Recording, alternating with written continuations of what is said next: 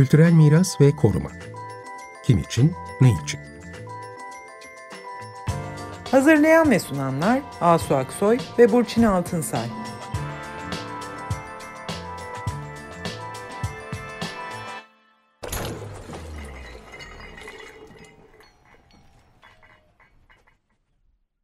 Merhabalar ben Asu Aksoy. Merhabalar ben Burçin Altınsay. Bu akşam Safranbolu şehrine gidiyoruz. Tarihi kent deyince Safranbolu hemen hemen herkesin aklına ilk gelen yerdir. Türkiye'de ilk korunan yerlerden biri. Safranbolu'da tarihi kent açısından son zamanlarda çok yakında pek iç açıcı olmayan gelişmeler oldu. Şimdi biz bunları konuğumuz İbrahim Canbulat'la konuşacağız. Safranbolu şehri 1994 yılında Dünya Miras Listesi'ne kaydedilmiş. Ama çok daha öncelerinden beri Safranbolu'da koruma kavramı, koruma bilinci oluşmuş. Bu da 1975'te Avrupa Miras Yılı vesilesiyle ülke çapında yapılan kampanyaların odağında Safranbolu'nun yer almasıyla olmuş. Safranbolu'da etkinlikler yapılmıştı, filmler, belgeseller yapılmıştı Safranbolu'yla ilgili. Burada koruma anlayışı dolayısıyla erken bir zamandan beri var, yerleşmiş bu anlayış. Öte yandan çok erken dönemden beri planlar da yapılıyor Safranbolu'da. Çünkü orada Karabük Demir Çelik işletmeleri hemen yakınında Karabük'te açılıyor. Ve 1936'da ilk kentsel plan yapılıyor buraya. Daha sonra 1968-1981 yıllarında yeniden planlar yapılıyor. Bu planlarda da Safranbolu kentsel dokusunun korunmaya değer olduğu ve önemi vurgulanarak burada korunacak yapılar tanımlanıyor. 1991'de de İsmet Okyay tarafından yapılan koruma amaçlı imar planı ilk defa yapılıyor ve burada da kentsel doku, tarihi doku tanımlanıyor. Çevresindeki doğal sit alanları, geçiş bölgeleri tanımlanıyor. Yani kentsel dokuyu koruma amacıyla oldukça ayrıntılı bir plan yapılıyor. 2011'de de bir nevi revizyonu yapılıyor bu planın ve bu geçerlilikte. Şimdi en son Çevre Şehircilik ve İklim Değişikliği Bakanlığı'nın hazırladığı bir imar planıyla daha önceki planlarda tanımlanan doğal sit alanları yapılaşmaya açılıyor. Safranbolu kentinde herkes de bilir herhalde tarihi kenti çevreleyen doğal alanlar jeolojik oluşumlarıyla hepsi bir bütün. Yani bir kültürel peyzajın parçası bunlar. Herhangi bir doğal alan değiller ve bunun parçalanması tehlikesiyle karşı karşıyayız. Ee, konumuz İbrahim Can Bulat'ta bu e, imar planlarının dünya miras alanı olan Safranbolu şehrini nasıl tehdit ettiğini, şehri bekleyen tehlikeleri konuşacağız ve bunu duyurmak için, bunun önüne geçmek için e, çabalarda bulundu e, İbrahim Can Bulat. E, hoş geldiniz. Hoş bulduk, sağ olun. Merhabalar. E, İbrahim Can Bulat şu anda Safranbolu'da çünkü orada oturuyor. Orada bir konaklama işletmesi de var. İşi de orada, evi de orada. E, çünkü ailesinin bir kolundan dolayı Safranbolulu. ODTÜ mezunu bir mimar. ODTÜ'de öğretim üyeliği yaptığı bir dönemde oldu. AutoCAD'le çizim e, konularına ilk giren e, mimarlardan. Özellikle ahşap iskelet sistemler üzerine çalışıyor. E, yıllar sonra yeniden Safranbolu'ya döndü. Orada bir konağı çok duyarlı bir şekilde restore etti ve ev olarak orada oturuyor, kullanıyor.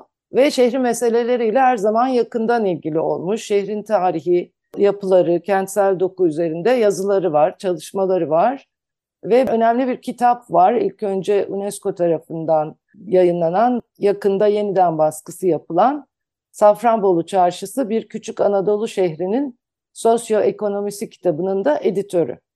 Somut olmayan mirasıyla da ilgili Safranbolu'nun işte malum safran çiçeği Safranbolu'da önemli. Safranbolu yemeklerini yeniden üretilen ve yorumlayan bir aşçı aynı zamanda. Onun etrafında geliştirdiği etkinlikler var. Bu faaliyetleri de sürdürüyor. Tekrar hoş geldiniz.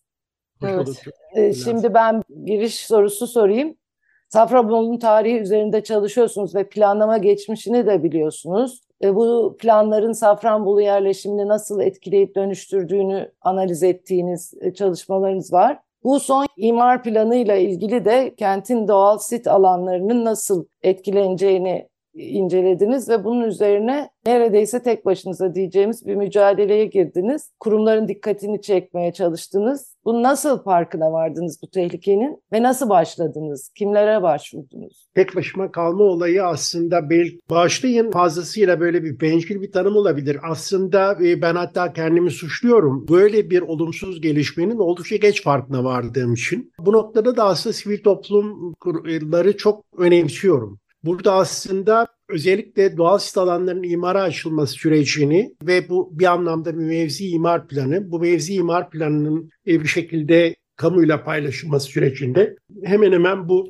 reaksiyonları vermeye başlayan aslında Safranbolu Dünya Miras Alanları Koruma Derneği diye bir derneğimiz var. Başkanı Mehmet Bakütuvan ve gene onunla birlikte Atatürk Düşünce Derneği Safranbolu Şubesi etkin bir şekilde reaksiyon vermeye başladı. Onun da başkanı İsmet Zühtü Saraçoğlu. Her ikisine de aslında müteşekkirim çünkü belli bir dönemden sonra o da şöyle gelişti aslında. Neticede onlar başlangıçta bunu hep imar mevzuatı ve yasalar çerçevesinde götürmeye başladılar. Yani nasıl mahkeme veririz, nereden tutarız diye. Sonra bize geldiler dediler ki bunun bir de koruma boyutu var. Yani UNESCO boyutu var, ICOMOS boyutu var. Buralarda neler yapmamız. Benim aslında bu konuya girmem bu şekilde oldu. Ondan sonra anlatacağım fakat resmi olarak da şu anda bir şeyim var bu gelişim içinde. O da Mimarlar Odası Ankara Şubesi burada bir toplantısı vardı, bölge toplantısı vardı. O bölge toplantısında ben de bu Safranbolu'da olanları anlatmamı istediler ve bu anlatmanın üzerine iki tane şey oluştu. E, kendisine müteşekkirim. Başkan Tezcan Karakuşan'dan anında bir dava açılması. E, ilk davayı tabii belediye, Safranbolu Belediyesi açtı ve bir şekilde müdahil olarak katılması ve burada da benim onları temsil etmem yönünde bir karar aldı. O yüzden müteşekkirim. Şu anda bir de benim dediğim gibi özellikle kendi odam adına da bu çabanın içine girdim. Evet, ben buradan aslında hangi plandan bahsediyoruz? Biraz planın detaylarına aslında girelim. Yani bahsettiğimiz şey 18 Haziran 2021'de başlığı Safranbolu doğal sit alanlarına ilişkin 1 bölü 5 bin ölçekli koruma amaçlı Nazım imar planı revizyonu ve bunun 1 bölü 1000 ölçekli olanı. Yani bu plan doğal sit alanlarına ilişkin Çevre ve Şehircilik ve İklim Değişikliği Bakanlığı tarafından ilan edildi, askıya çıkarıldı. Aslında bunu Çevre ve Şehircilik Bakanlığı'nın bu doğal sit alanlarına ilişkin bir imar planı ilan edebiliyor olmasının arkasında da tabii ki 2011 yılında kültür varlıkları ve tabiat varlıklarının ayrılması yatıyor. Yani 2011 yılında bir kanun hükmünde kararname ile kültür varlıkları ve tabiat varlıkları yönetimi ve korunması iki bakanlık arasında ayrıldı ve şimdi doğal varlıklar, tabiat varlıklarının korunması ve yönetimi Çevre ve Şehircilik Bakanlığı'na geçti ve ardından da siz de bahsedeceksiniz. Birinci derece doğal sit alanları, işte nitelikli koruma alanları ve sürdürülebilir koruma alanları olmak üzere farklı derecelendirmelere kavuştu ve bu derecelendirmeler içinde mesela sürdürülebilir koruma alanları takım konut, turizm falan gibi fonksiyonlara açılabilir hale geldi. Şimdi bütün bunların üzerine Safranbolu'daki bu 2021'de ilan edilen doğal sitler üzerine ilan edilen plandan bahsediyoruz. Siz şimdi bununla ilgili çalışıyorsunuz. Bunun söyledikleri şeyler. Evet tam olarak bu aslında. Yani şöylesine benim bu araştırmaya başladığımda tabii doğrudan doğruya korumacı bir mimar olarak ve Safranbolu'yu izleyen birisi olarak öncelikle doğal sit alanını, e, kültürel miras alanının bütünlüğü çevresiyle bir bütün olduğu ve bir şekilde bunun yeni bir baskı altına girmemesi yönünde oldu. Ve e, o noktada tabii e, doğal sit alanların imara açılmasıyla bir sadece ve sadece yapılaşma baskısı değil başka baskılar da oluştu ortaya çıktı. Ve araştırmaların bu yönde gelişmeye başladı. Sizin de söylediğiniz gibi aslında doğal sit alanları bir şekilde imara açılma süreci yalnız tek başına belli bir yapı yoğunluğu değil. Özellikle ben o dönemde Safranbolu'nun ruhu diye bir çalışma üzerinde o bir kitaba doğru gitmeye başladı ve o noktada aslında Safranbolu'nun çevresiyle ne kadar bir bütün olduğunu, Örneğin kanyon yapılaşmasını yani milatta bırakın 45 milyon bir milyon yıl önceden bahsediyoruz. O kanyonların oluşması ve Safranbolu'nun tam onun içine yerleşmesi sadece o kadarla da değil. Örneğin işte oradaki e, bugün kale olarak dediğimiz e, jeomorfolojik yapı vesaire hepsi bir bütün.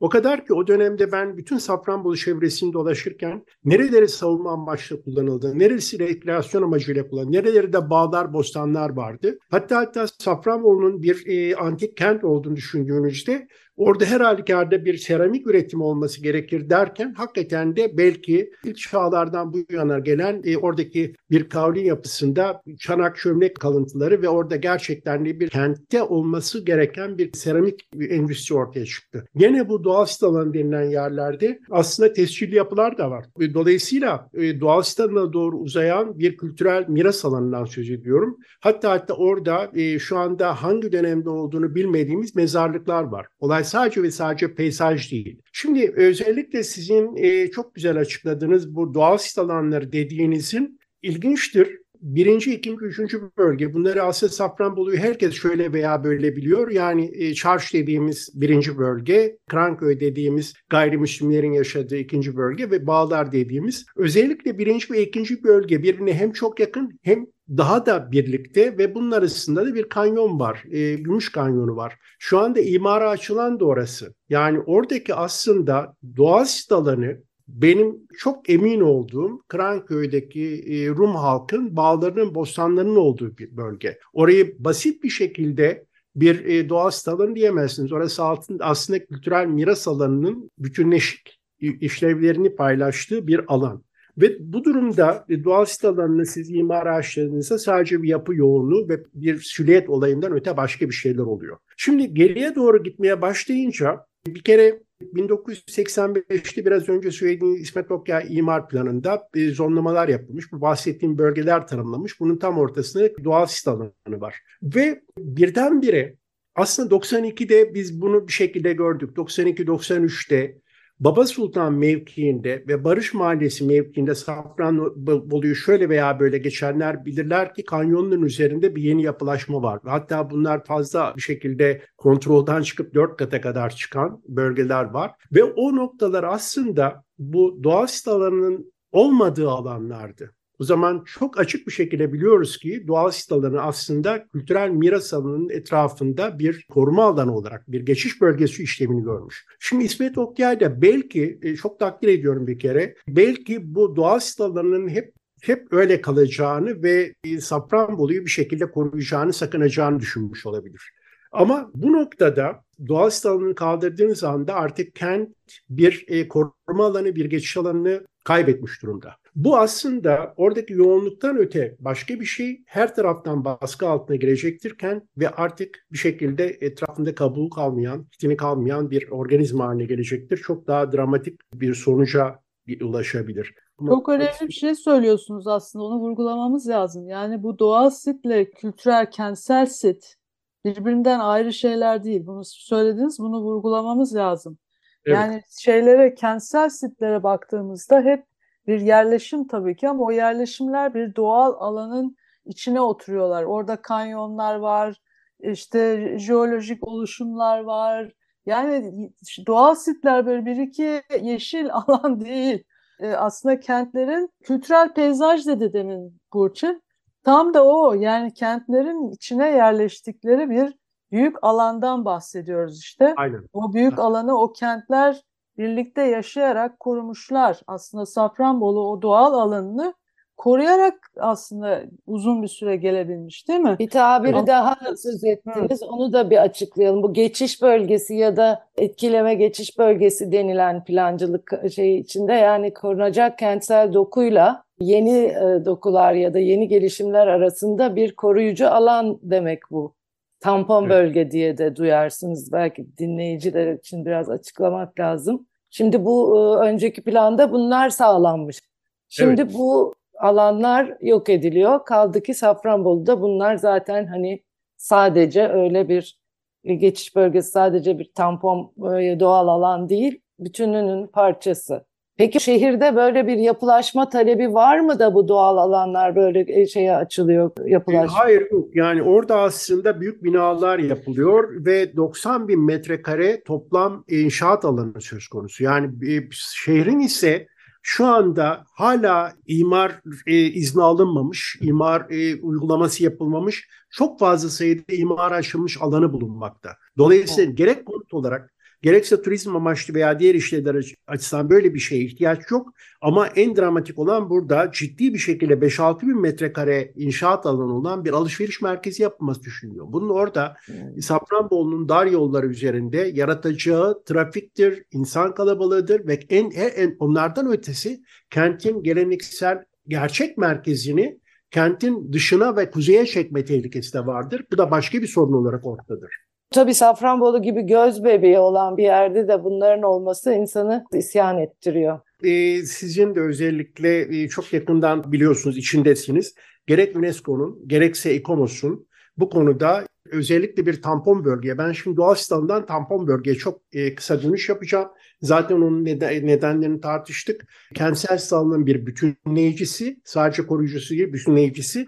Ve şu anda da gene bildiğiniz gibi bir eğer herhangi bir kent UNESCO'ya miras listesine girmek üzere başvuruyorsa bu tampon bölgenin tanımlanmış olması gerekiyor. Hı hı, evet. Safran hakikaten de 1995 yılında UNESCO miras listesi alınmış. Eminim o zamanlar sözler verildi, alttan imzalar atıldı ve 2022'de fark ettik ki biz hala bir e, koruma alanı, bir e, etkileşim geçiş alanı yok. Hı hı. Ve aslında benim işte bu dava süreci başladığında e, ortaya çıkan resim buydu.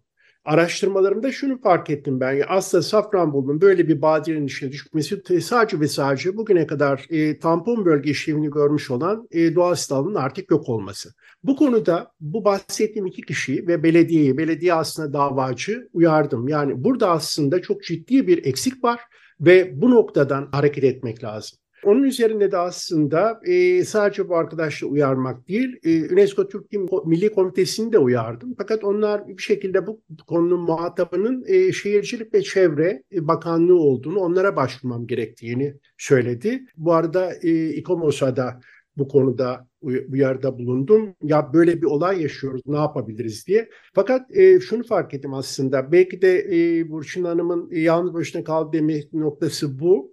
E, arkasından belediyeyle beraber hem vilayeti hem kaymakamlığı da uyardıktan sonra UNESCO doğrudan doğruya e, Heritage Center'a size de sunduğum bu uzun raporu İngilizceye çevirerek gönderdim. E, fakat bu noktada be, benim... Bu UNESCO Dünya Miras Merkezi. Evet. Ne gönderdiniz. Evet. evet. Çünkü ve, burası bir dünya miras alanı yani onu evet. tekrar söyleyeyim. Evet. evet.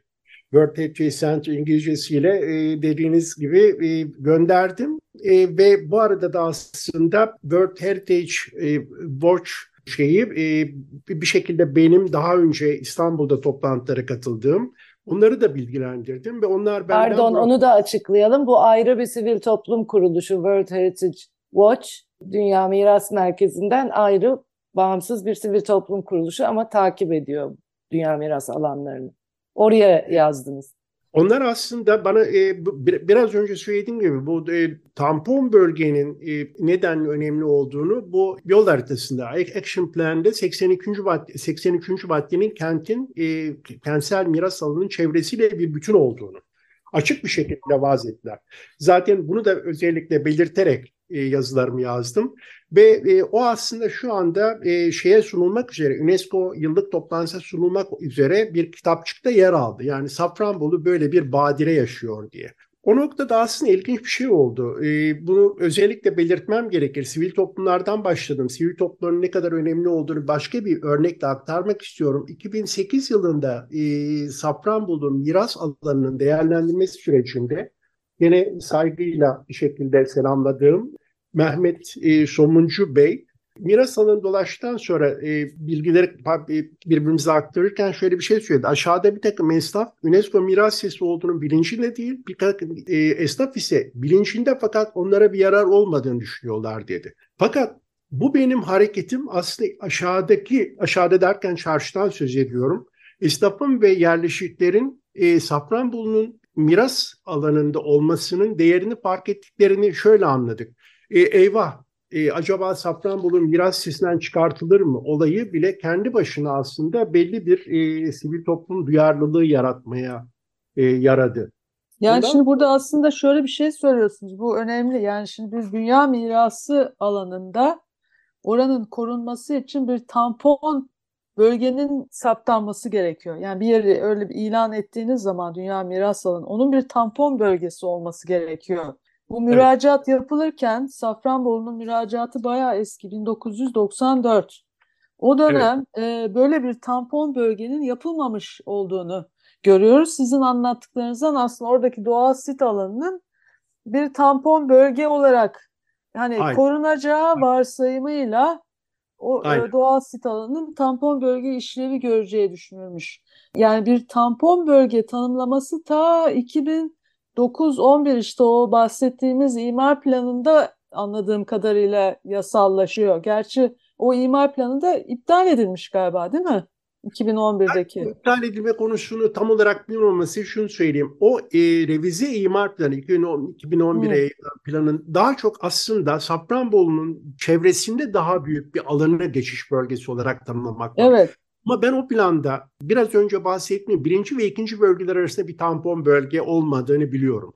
O hep hmm. doğal sit alanı olarak kaldı. Sanıyorum hmm. Hani şöyle bir düşünce var. Gerek İsmet Okyay'da gerekse bu e, revize imar planını yapan grupta hep doğal sit alanının hep orada olacağı varsayımı var.